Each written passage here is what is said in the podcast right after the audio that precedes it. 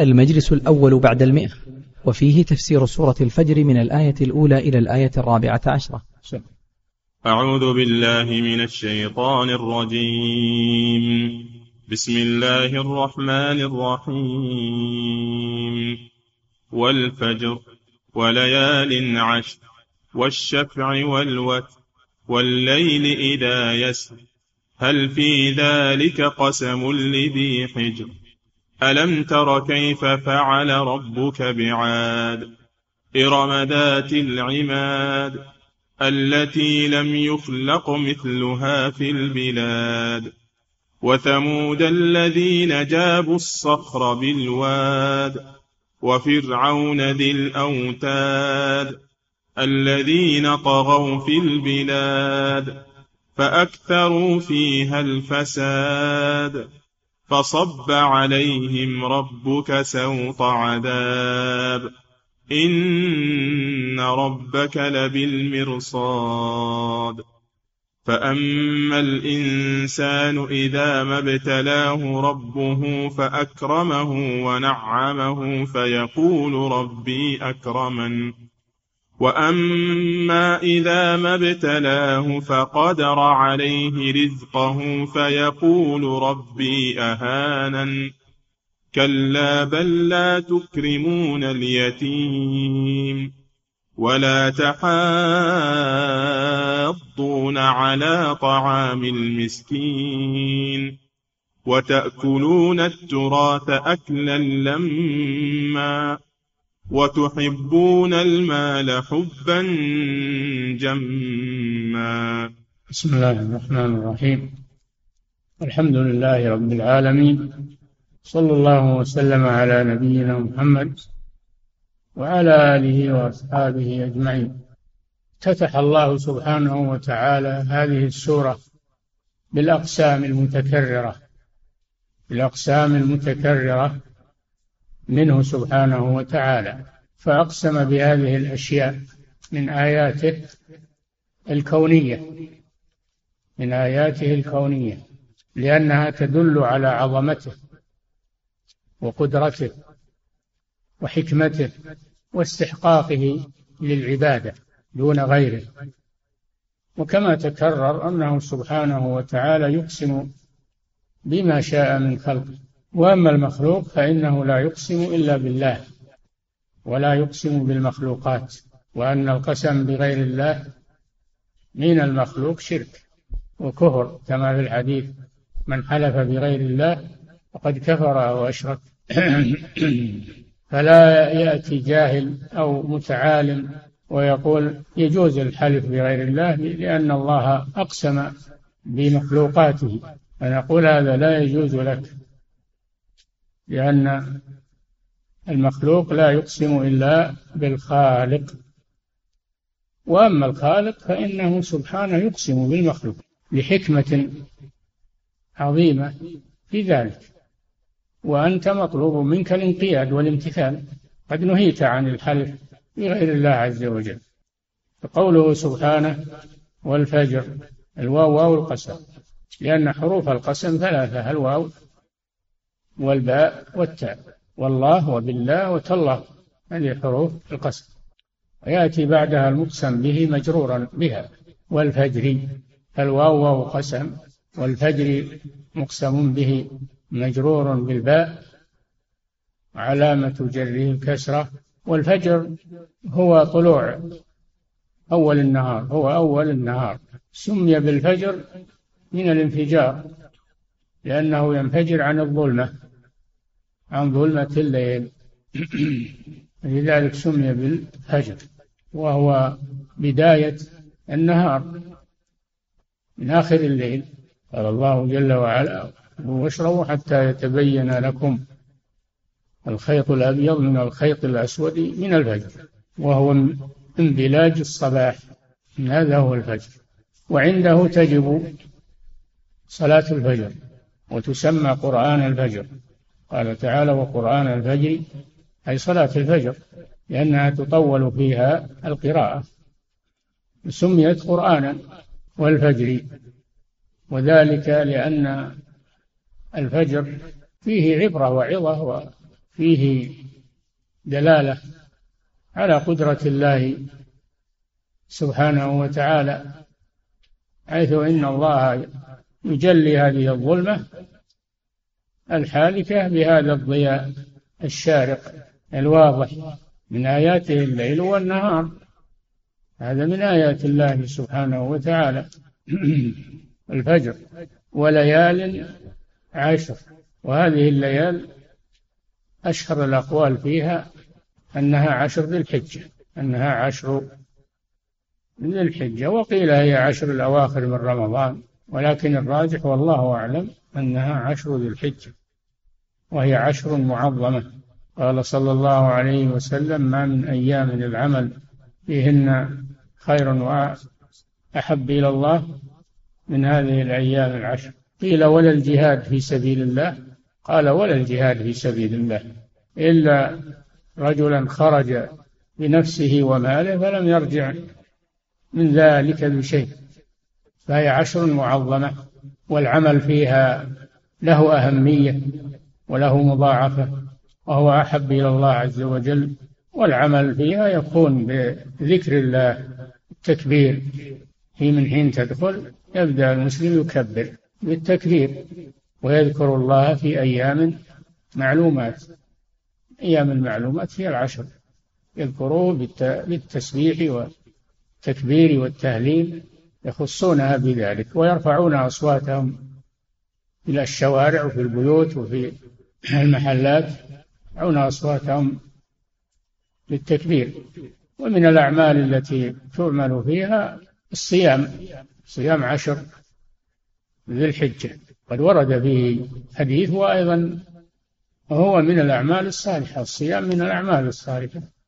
يدخل في الأعمال الصالحة المستحبة في هذه الأيام وفيها اليوم التاسع اليوم التاسع الذي هو يوم عرفة ويستحب صيامه لغير الحاج. صيامه لغير الحاج ويكفر السنة الماضية كما في الحديث. فهذا في عشر ذي الحجة. وفيها اليوم العاشر الذي هو يوم الحج الأكبر الذي هو عيد الأضحى. ففيها خيرات كثيرة. ولذلك أقسم الله بها تنويها بشأنها حتى يعرف حتى يعرف العبد قدرها ويستغلها بطاعة الله سبحانه وتعالى وليال عشر عشرة أيام. عشرة أيام بلياليها كلها موسم من مواسم الخير. والشفع والوتر. هذا القسم الثالث. الشفع والوتر. الوتر هو الفرد والشفع هو المزدوج من العدد. الاثنين والأربعة والستة ثمانية عشرة. هذه مزدوجة. والوتر هو الواحد. الواحد والثلاثة والخمسة السبعة والتسعة. فهو قسم بكل فرد وكل زوج من الأعداد من أعداد المخلوقات. والمراد به والله أعلم المراد بالوتر الله جل وعلا لأنه واحد أحد فرد صمد. والمراد بالشفع المخلوقين كلهم شفع من ذكر وأنثى. النباتات أيضا شفع من ذكر وأنثى. وكل المخلوقات كلها شفع من ذكر وأنثى.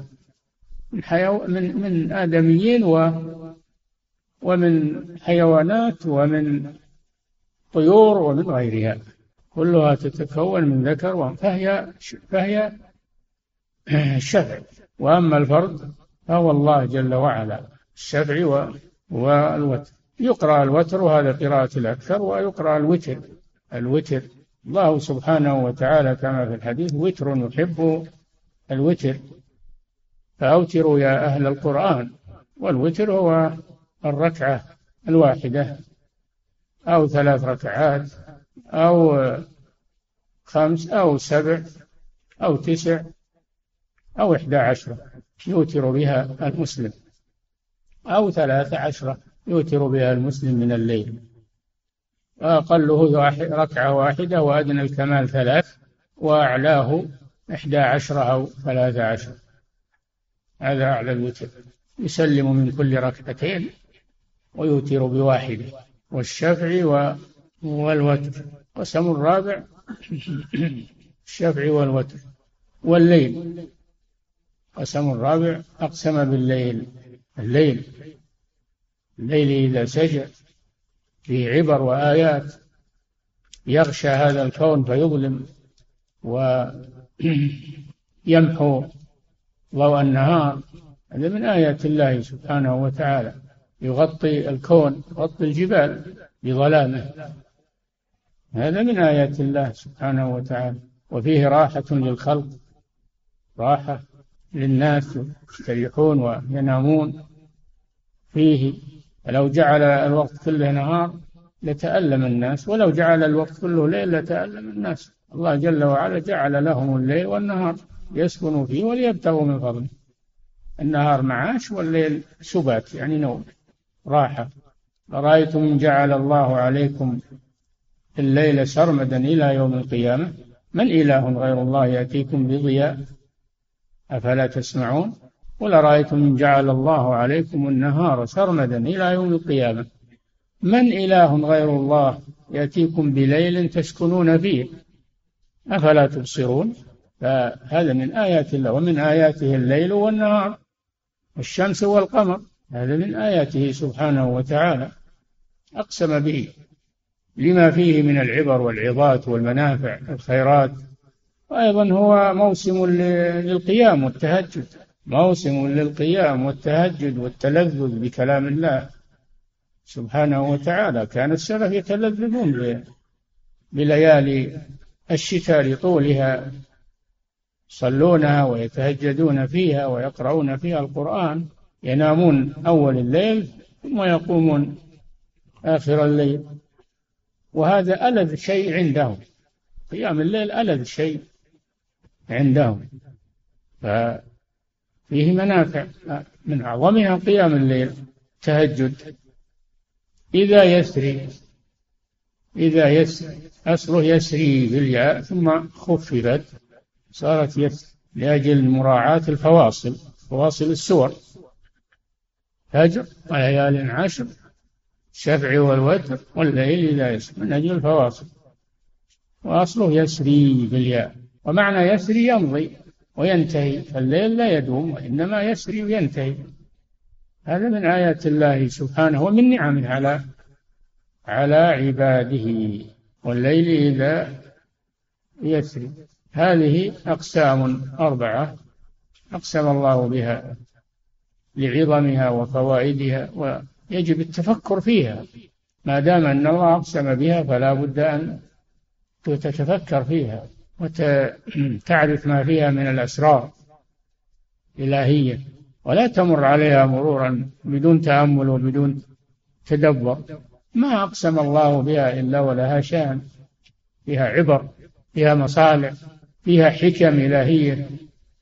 نعتبر بها من العادة في اللغة العربية التي نزل بها القرآن أن كل قسم له جواب.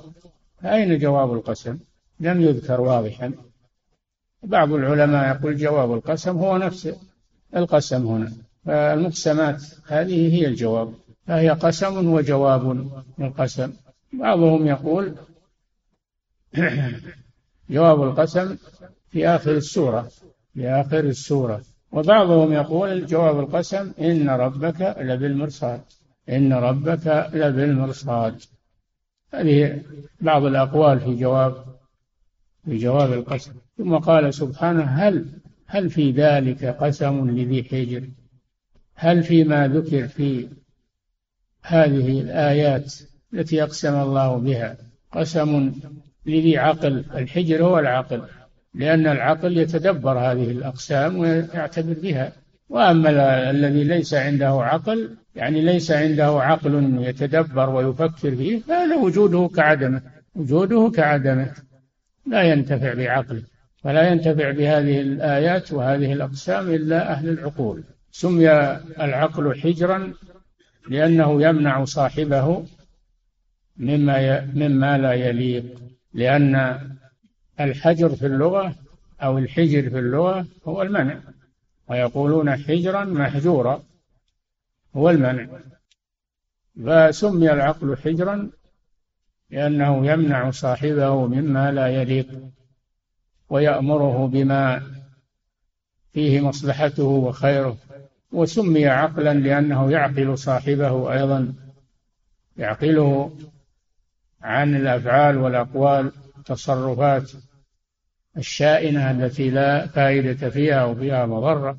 والعقل من أعظم نعم الله على العباد ومن أعظم آياته.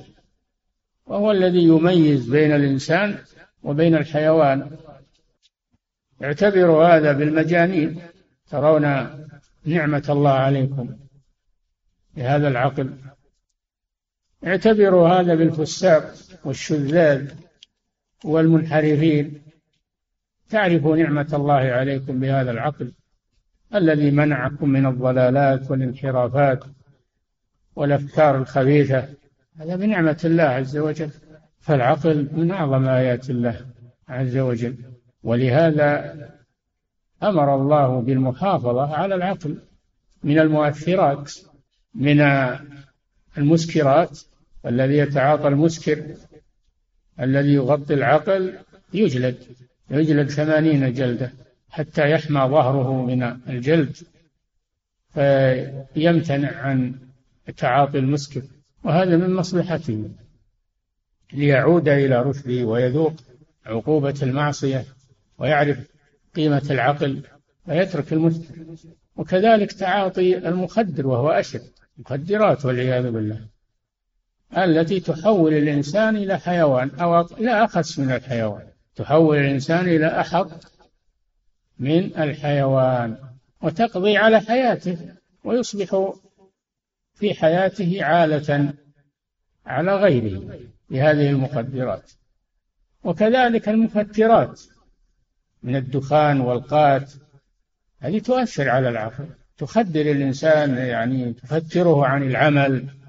تفتره عن العمل وعن النشاط وعن الجد والاجتهاد. ولهذا نهى النبي صلى الله عليه وسلم عن كل مسكر ومفتر لأن التفتير أيضا يثبط عن العمل والنشاط و... وأيضا هو وسيلة إلى تعاطي المسكر تدرج الإنسان من الدخان إلى القات إلى المسكرات إلى المخدرات. يجب على المسلم أن يحافظ على عقله. الذي هو الميزة بينه وبين الحيوانات والذي به يعرف مصالحه ويعرف مضاره ويميز بين الطيب والخبيث وبين الضار والنافع وبين الحسن والقبيح. يميز هذا بعقله فالعقل له حرمة ولذلك صار من الضرورات الخمس التي تجب المحافظة عليها. هل في ذلك قسم لذي حجر؟ ثم ذكر سبحانه وتعالى من لم ينتفعوا بعقولهم ولم يهتدوا بعقولهم إلى الصواب وذكر عقوباتهم وجعلهم مثلا لغيرهم مثلا لغيرهم.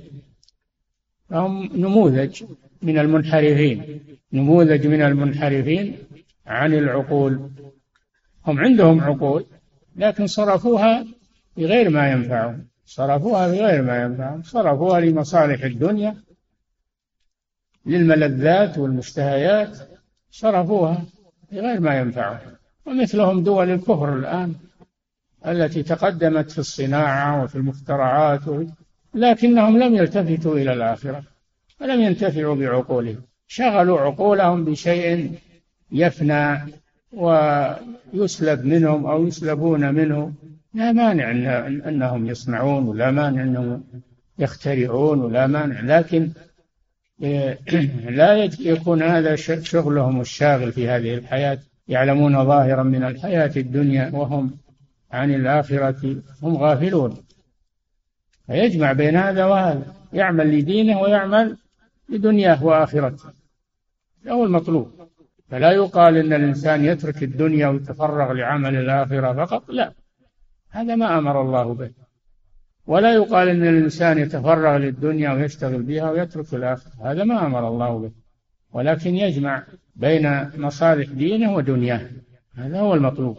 ذكر سبحانه وتعالى نموذجا ممن خرجوا على عقولهم وانسلخوا من البشرية وقد أعطاهم الله قوة أعطاهم الله قوة ولكنهم طغوا بها أطغتهم قوتهم فلم يستفيدوا منها إلا ما يضرهم.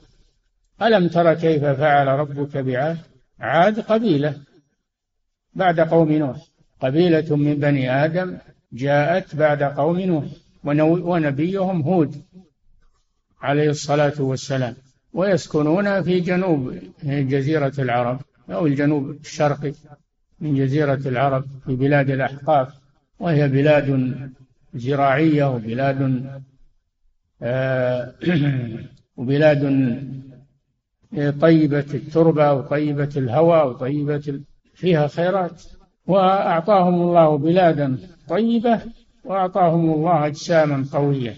أجسام قوم عاد قوية. ولهذا ذكرهم هود عليه السلام قال واذكروا إذ جعلكم خلفاء من بعد قوم نوح وزادكم في الخلق بسطة.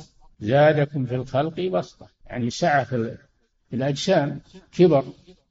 قوة. قوة عظيمة.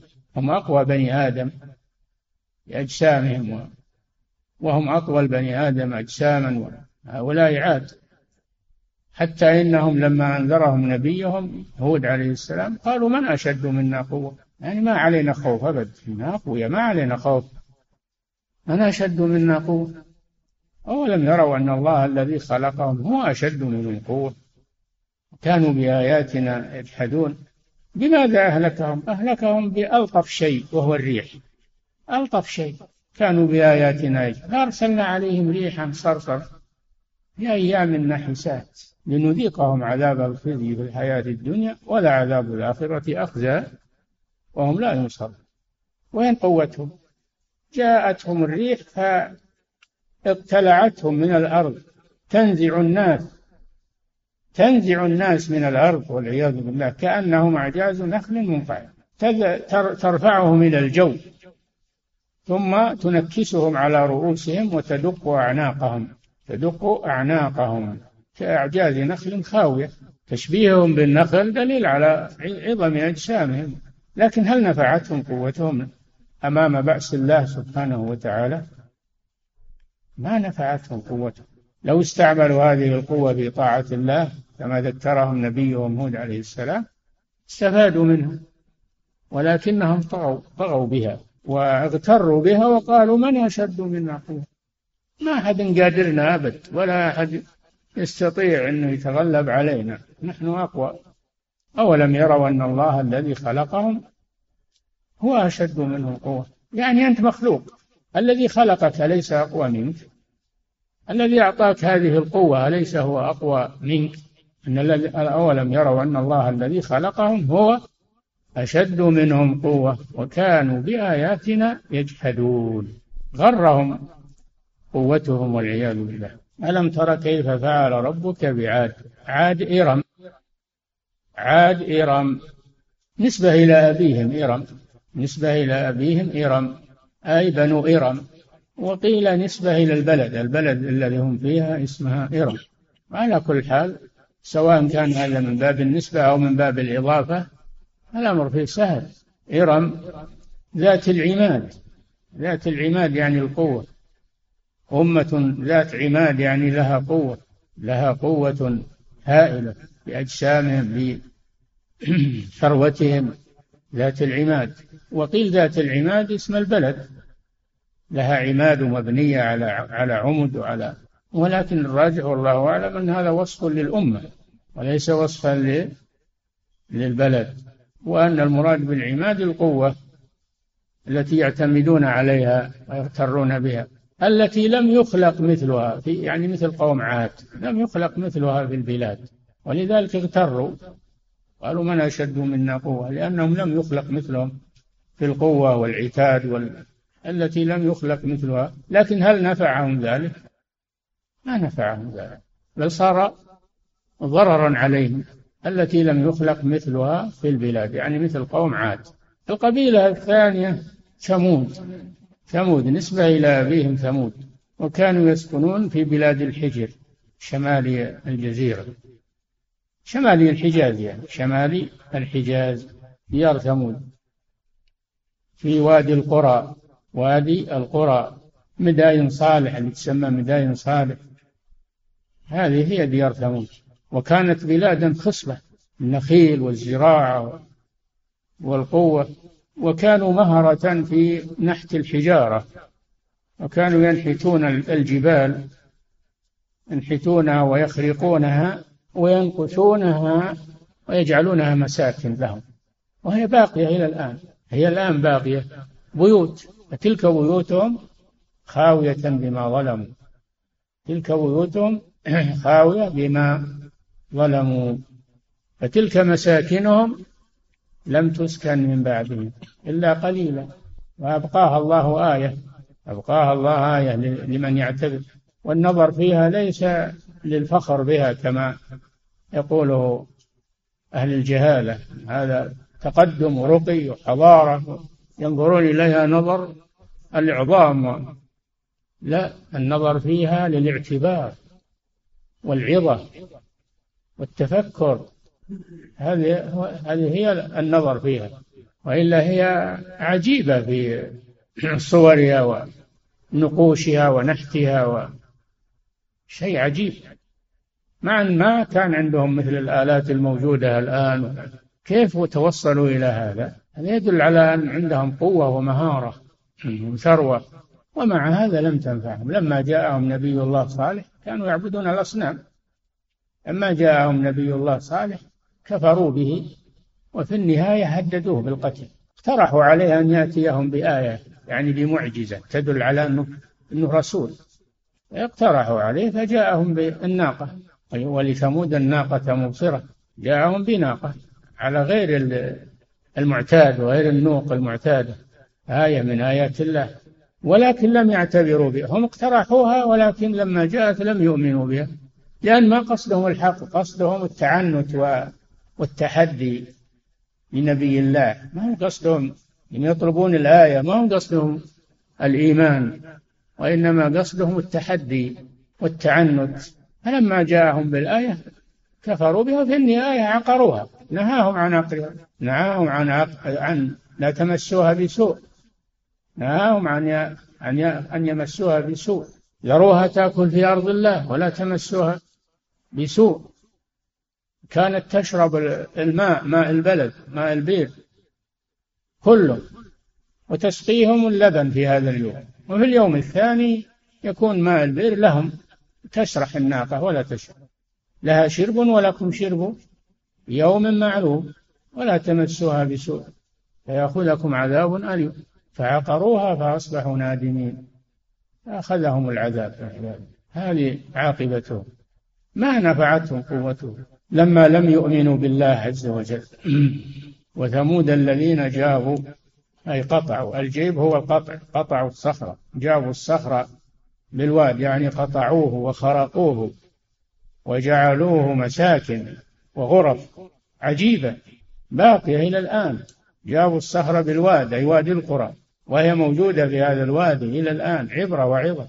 تلك بيوتهم خاوية بما ظلم يمر عليها الكفار من قريش وغيرهم يمرون عليها في طريقهم إلى الشام ولا يعتبرون بها ولا يتعظون بها وثمود الذين جابوا الصخرة أي خرقوه وقطعوه الصخرة الكبيرة الجبل الكبير ينحتونه ويجعلونه بيتا من أبدع البيوت وثمود الذين جابوا الصخرة بالواد أي وادي القرى هل نفعهم ذلك؟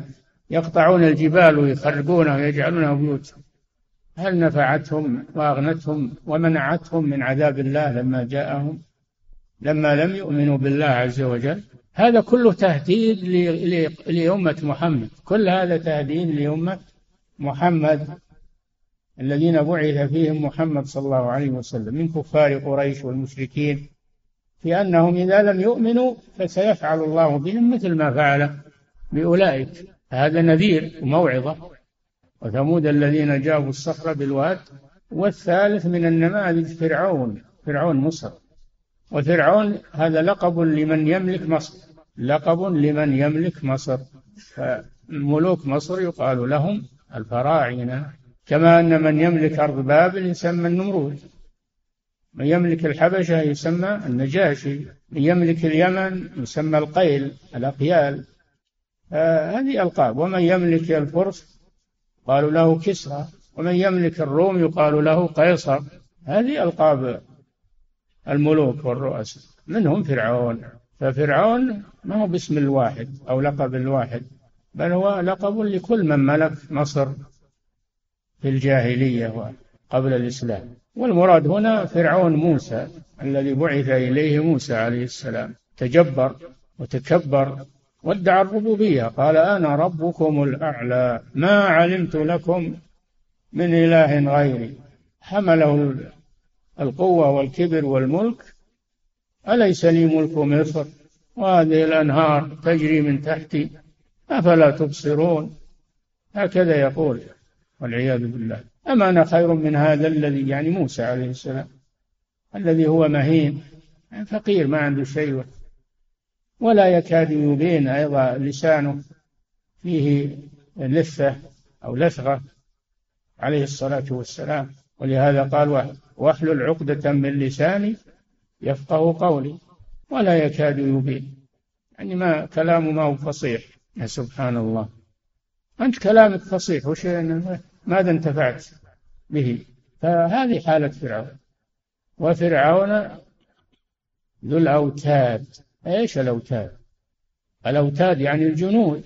له جنود هائلة جنود هائلة.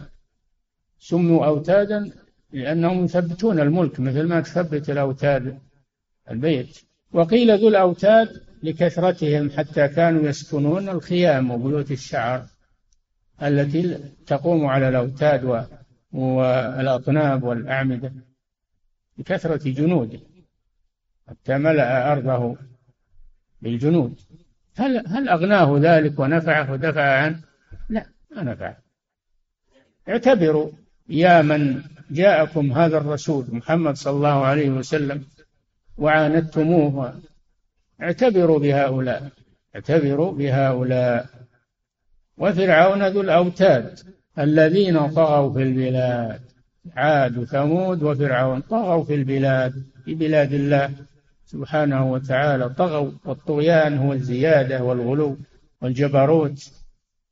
طغوا على ربهم فلم يعبدوه وطغوا على العباد وظلموهم وتعدوا عليهم واستعبدوهم. الذين طغوا في البلاد فأكثروا فيها الفساد بالكفر والمعاصي والمخالفات لأن البلاد والأرض تفسد بالمعاصي. تفسد بالمعاصي والكفر والمخالفات وتصلح بعبادة الله ولا تفسدوا في الأرض بعد إصلاحها. إصلاحها بأي شيء؟ ببعثة الرسل وإنزال الكتب والإفساد فيها بالمعاصي والمخالفات.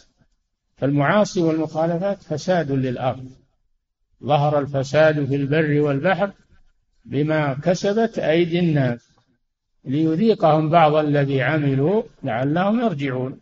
فالأرض تفسد بالكفر والمعاصي والمخالفات وتصلح بالعبادة والطاعة واتباع الرسل عليهم الصلاة والسلام. فأكثروا فيها الفساد. ماذا كانت عاقبتهم؟ فصب عليهم ربك سوط عذاب. صب عليهم أنزل عليهم سوط عذاب. السوط هو العصا الذي يضرب به. ضربهم الله بسوط بصوت العذاب. ما هم بالصوت المعروف؟ لا صوت عذاب والعياذ بالله. صب عليهم ربك سوط عذاب. هذا في الدنيا. عذاب الآخرة أشد والعياذ بالله.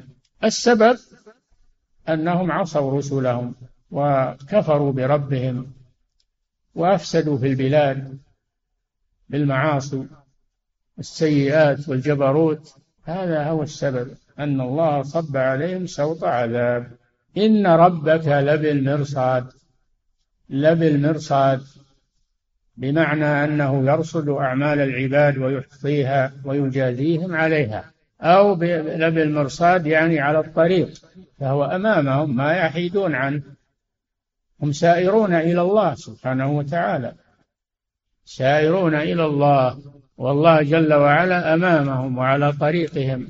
لا يفرون ولا يتخلصون منه سبحانه وتعالى. إن ربك لبالمرصاد. ثم ذكر سبحانه وتعالى أو نقف على هذا نقف على هذا إلى الدرس السابق الآتي إن شاء الله. نعم. والله تعالى أعلم وصلى الله وسلم على نبينا محمد وعلى آله وصحبه أجمعين. يقول فضيلة الشيخ وفقكم الله هل يجوز القسم بآيات الله كقوله أقسم بآيات الله؟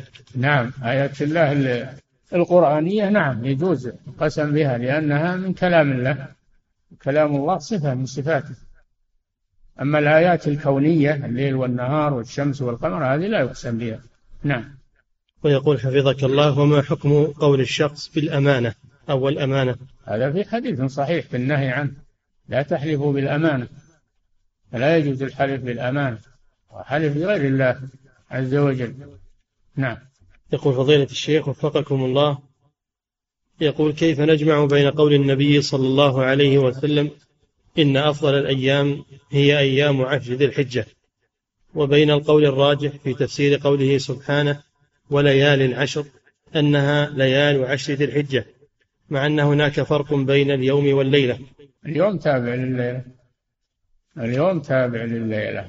ما فهمت الأستاذ. شو يقول؟ يقول حفظك الله كيف نجمع بين قول النبي صلى الله عليه وسلم إن أفضل الأيام هي أيام عشر ذي الحجة؟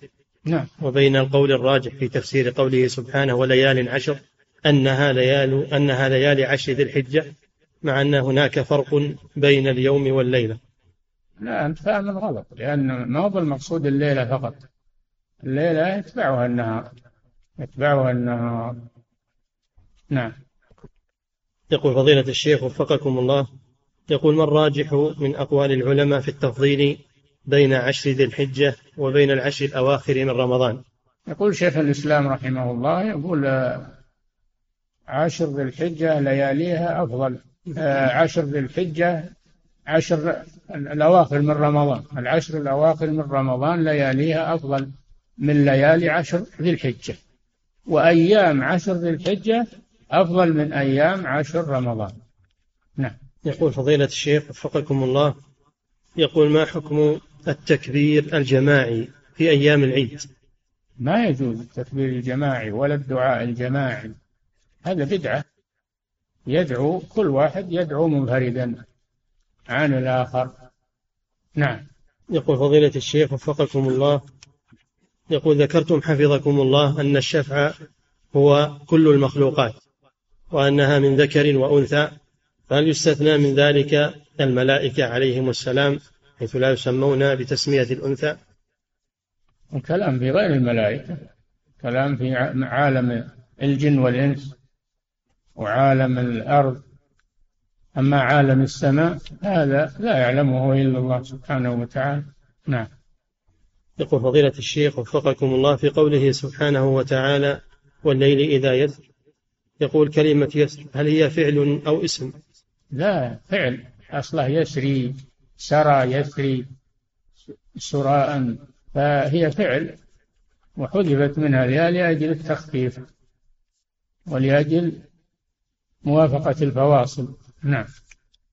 يقول فضيلة الشيخ وفقكم الله يقول هل يجوز للإنسان أن يفسر بعض الآيات التي يتضح معناها ظاهرا له دون رجوع للتفسير. لا ما يجوز يكون مخطئ قد يكون أخطأ في تفسيرها. فلا بد من الرجوع إلى كتب التفسير الموثوقة. كتب التفسير الموثوقة لأنك تتكلم عن مراد الله. تقول مراد الله في هذه الآية كذا فأنت تحكي عن الله. تقول على الله. فإذا قلت عليه بغير علم فإنك فإنك مؤاخذ. نعم. يقول فضيلة الشيخ وفقكم الله يقول ما حكم قراءة كتب التفسير التي تحتوي على الغث والسمين وهل تنصحون بقراءة تفاسير المبتدعة من باب الفائدة التي تكون فيها؟ العالم اللي يعرف الغث من السمين ياخذ السمين ويترك الغث. أما الجاهل والمبتدئ وال والمتعلم فلا يقرأ إلا في الكتب النقية التي ليس فيها إلا ثمين لئلا يأكل الغث فيموت. نعم. فضيلة الشيخ وفقكم الله مجموعة من الأسئلة ذكرت كتب كتبا للتفسير تسأل عنها وهل وهل تقرأ؟ وهل تنصحون بها؟ التفسير الأول حفظكم الله يقول زبدة التفسير لمحمد الأشقر. هل يعتبر من التفاسير المعتمدة؟ هذا مختصر لفتح القدير. الشوكان. زبدة التفسير هذا مختصر لتفسير الشوكاني فتح القدير. مختصر جدا. وفائدته قليلة. أنا شفته. فائدته قليلة. ما اختصر في الحقيقة اختصارا مفيد. نعم. وكذلك حفظك الله يسأل شخص آخر يقول كتاب فتح القدير للشوكاني. هذا طيب في الجملة. في الجملة طيب. فيه نقولات. الشوكاني رحمه الله لم يعلق عليها فيها خطأ في العقيدة وفي التأويل.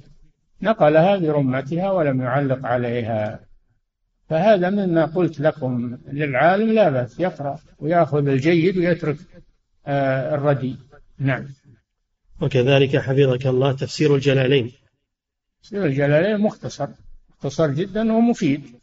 لكن فيه تأويل أيضا فيه تأويل للصفات لأن مؤلفاه شاعرة الجلالين جلال الدين السيوطي وجلال الدين المحلي الشيخ السيوطي هما أشاعرة عندهم تأويل. نعم. وكذلك أيسر التفاسير لأبي بكر الجزائري. هذا ما قرأت فيه لكن أظن أنه تفسير موضوعي أو تفسير دروس يعني دروس نلقاها في المسجد النبوي فسجلت وفرغت وما قرأت أنا فيها في الحقيقة حتى أحكم عليه نعم. وكذلك حفظك الله تفسير ابن عطية المالكي. هذا جيد. تفسير ابن عطية جيد لكنه لا يخلو من التأويل أيضا. ولكنه جيد وإمام جليل في التفسير وفي اللغة وفي نعم. وأخيرا حفظك الله تفسير الماوردي الشافعي. والله ما اطلعت عليه. وش اسمه؟ ما ذكر له الماوردي إمام جليل وعالم متبحر. نعم. يقول فضيلة الشيخ وفقكم الله يقول هل يمكن أن نقول إن أركان الإسلام الخمسة تجتمع في عشر ذي الحجة ولا يمكن أن تجتمع في غيرها؟ وش مثل. وضح لنا جزاك الله خير. نعم. يقول فضيلة الشيخ وفقكم الله يقول هل المخدرات لها حد في الشرع؟ وهل تقاس على الخمر في إقامة الحد؟ هي أشد من الخمر. المخدرات أشد من الخمر لأنها تفسد الجسم والعقل الخمر تفسد العقل وفيها مرض أيضا للجسم لكن أخف من المخدرات والعياذ بالله. المخدرات تفسد الجسم نهائيا تسلب الغيرة من الإنسان حتى يصبح كالحيوان. نعم.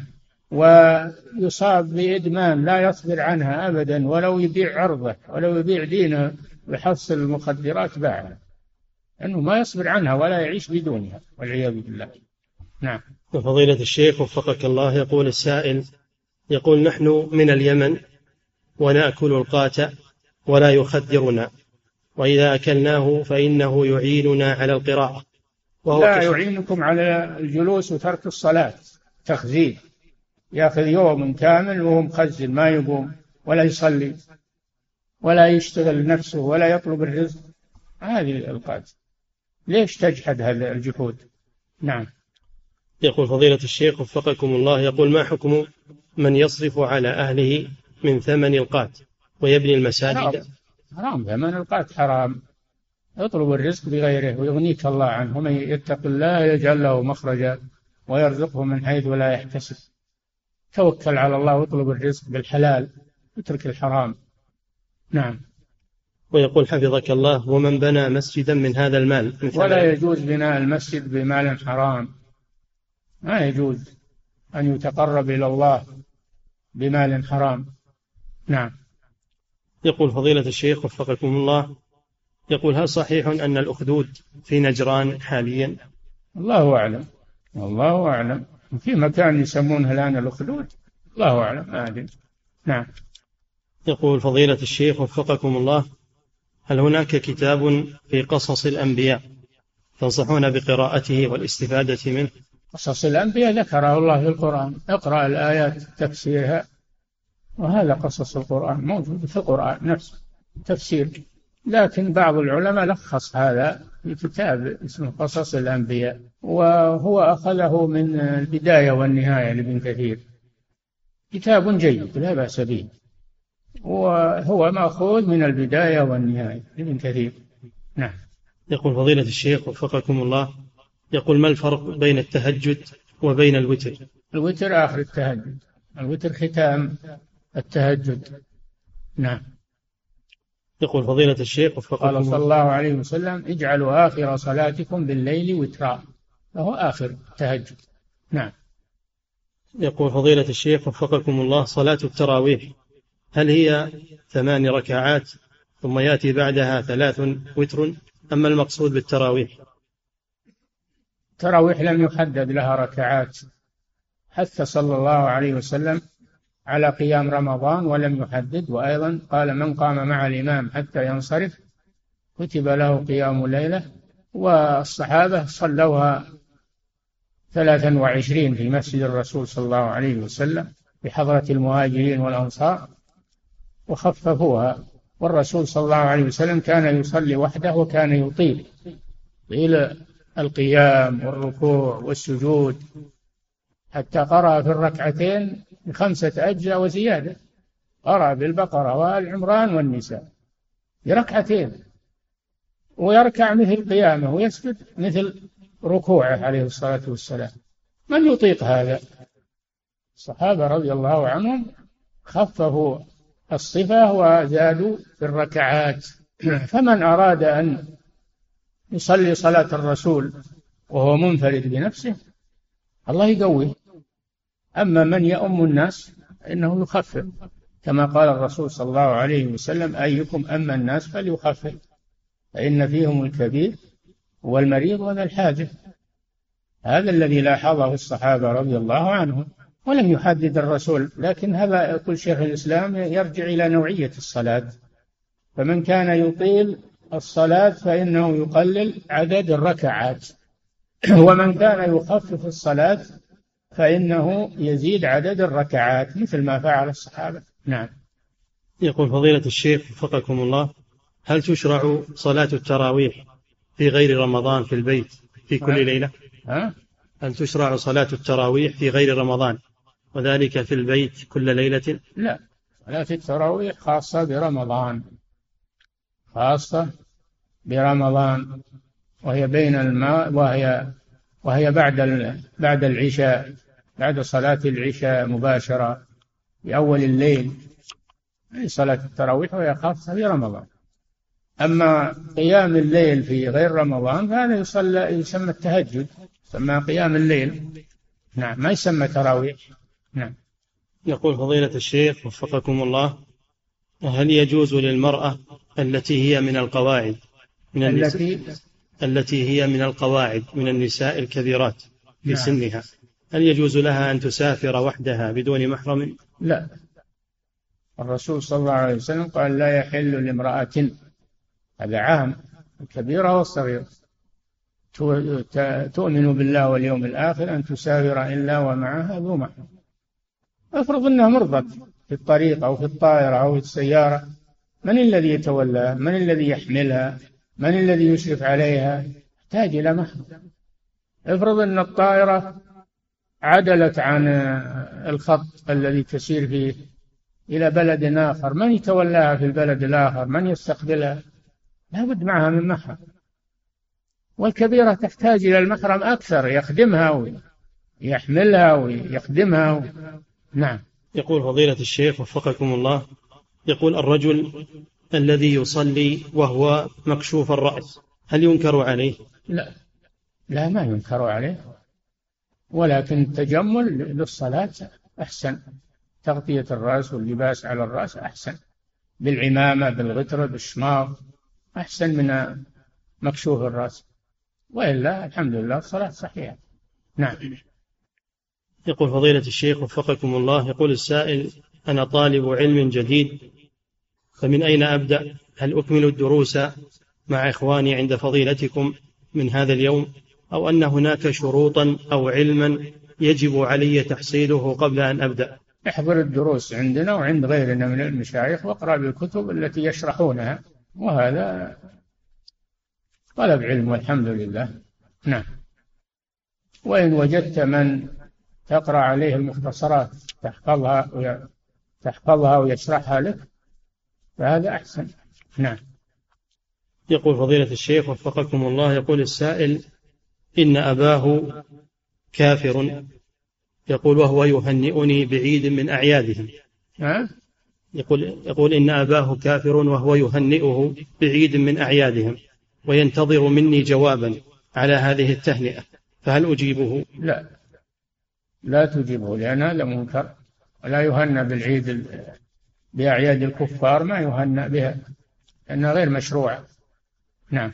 فضيلة الشيخ وفقكم الله يقول السائل شخص كان له ماض سيء فكان بائع مخدرات وشاربا للخمر وكان يسرق ولا يصلي ولا يصوم ومضى على حاله هذه عشر سنوات وتاب إلى الله الآن من هذا الفعل.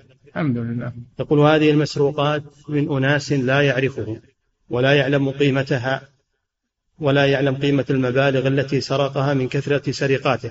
فماذا عليه؟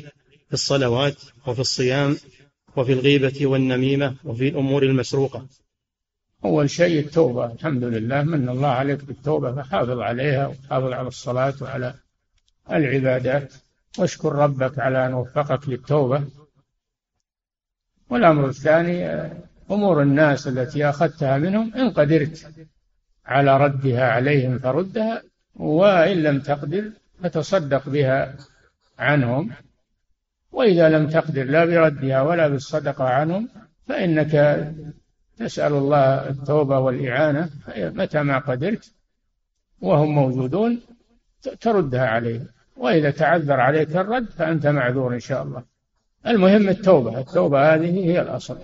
نعم. يقول فضيلة الشيخ وفقكم الله يقول السائل لي أربعة أبناء ذكور وبنت واحدة أكبرهم يبلغ من العمر سبعة عشر عاما فهل إذا أعطيته مبلغا من المال تشجيعا له على الطاعة يلزمني أن أعطي بقية إخوانه مثل ذلك المبلغ؟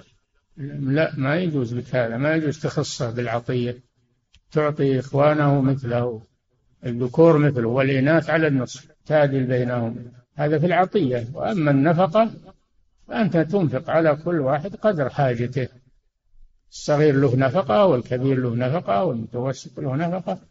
وهذا ما يلزم فيه المساواة. كل على قدر حاجته في النفقة. وأما العطية والتمليك فلا بد من التسوية والعدل بينهم. نعم.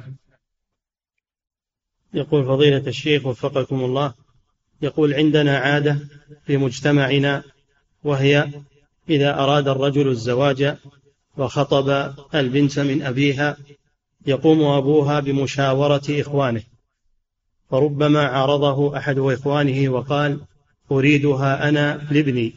سؤاله هل هذا من الخطبة على خطبة الأخ؟ نعم إذا مال ولي المرأة إلى تزويجها من كفء لها فلا يدخل عليها أحد. فلا يجوز لا لأخيه ولا لغيره أن يدخل عليه ولا يخطب على خطبة أخيه. نعم. وابنك يرزقه الله غيرها. نعم. وهذا نوع تحجير. هذا نوع تحجير على ابن عمه. هذا تحجير من أمور الجاهلية. نعم. يقول فضيلة الشيخ وفقكم الله يقول السائل أريد أن أفتح محلا باسم والدتي لكن الربح والبيع والشراء يكون لي وذلك لحاجة الماسة لذلك لقضاء الديون التي علي.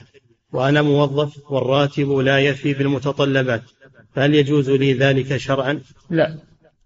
لا يجوز لك أن تخالف النظام لأن نظام ولي الأمر يمنع الموظف أن يفتح محلا تجاريا. ويمنع الاحتيال جعله باسم غيره من باب الحيلة هذا ما لا يجوز. فأنت إذا كانت الوظيفة ما تكفيك اتركها وروح للبيع والشراء. الحمد لله. يوم تفرغ للوظيفة ولا تفرغ للبيع والشراء واترك الوظيفة. نعم. يقول فضيلة الشيخ وفقكم الله قول النبي صلى الله عليه وسلم إذا صلى أحدكم فليصلي إلى سترة وليدن منها. هل السترة واجبة في الصلاة لهذا النص؟ لا. عند جمهور أهل العلم السترة سنة ليست واجبة. الرسول صلى الله عليه وسلم لما علم المسيء في صلاته لم يذكر له السترة. السترة سنة مكملة من المكملات. نعم. فضيلة الشيخ وفقكم الله امرأة تقول إنها تذهب إلى المدرسة بالباص ومعها زميلاتها. ولكن عند الرجوع ينزلن جميعا وتبقى مع السائق وحدها لمدة خمس دقائق. لا يجوز لها أن تبقى بل تنزل تذهب إلى بيتها تمشي أو يستقبلها وليها أو أمها أو أختها تأتي وتأخذها في محل نزول الطالبات. نعم. يقول فضيلة الشيخ وفقكم الله يقول السائل يقول هل يجوز الصلاة ما بين الأذان والإقامة خارج المسجد وذلك لأنني سائق باص والبنات والطالبات يخرجن في وقت إقامة الصلاة ومعي عدد من السائقين فنصلي عند المدرسة ولا نصلي في المسجد. أم أن الأفضل أن أصلي منفردا بعد انتهائي من العمل وإيصال الطالبات؟ لا صل مع زملائك جماعة. صلوا عند المدرسة. مع زملائك جماعة. ولا تصلي وحدك. نعم. يقول فضيلة الشيخ وفقكم الله يقول سجود التلاوة إذا كنت منفردا في الصلاة فهل له تكبير؟ نعم ورد أنه يكبر إذا سجد. تكبر. نعم. وإذا كان سجود التلاوة في الصلاة إنه يكبر عند النزول وعند الارتفاع منه. نعم. يقول فضيلة الشيخ وفقكم الله يقول هل يجوز رفع اليدين في الدعاء بين الأذان والإقامة؟ لا يدعو بلا رفع يدين. يدعو بلا رفع يدين لأنه لم يرد في هذا رفع اليدين. نعم. يقول فضيلة الشيخ وفقكم الله يقول إذا كان لي إذا كان لي حاجتان مختلفتان وأريد أن أستخير فيهما. فهل أصلي لكل واحدة منهما صلاة مستقلة صلاة استخارة أم أجمعهما في صلاة واحدة؟ إذا كنت تريد جمعهما تبي تعمل الحاجتين جميعا استخير لهما استخارة واحدة. أما إذا كنت تريد تعمل كل واحدة على حدة فإنك تستخير لكل واحدة على حدة. نعم.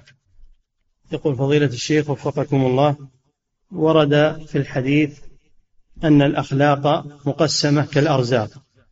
فهل معنى هذا أن الإنسان لا يستطيع أن يغير ما هو عليه من أخلاق؟ نعم الأخلاق الجبلية هذه من الله ولا يستطيع الإنسان أنه يجعلها في نفسه. وأما الأخلاق التخلقية الأخلاق على قسمين. خلق جبله الله عليه وخلق يعود نفسه عليه ويتربى عليه. هذا التخلق يسمى هذا يسمى التخلق. نعم. انتهى الله تعالى أعلم.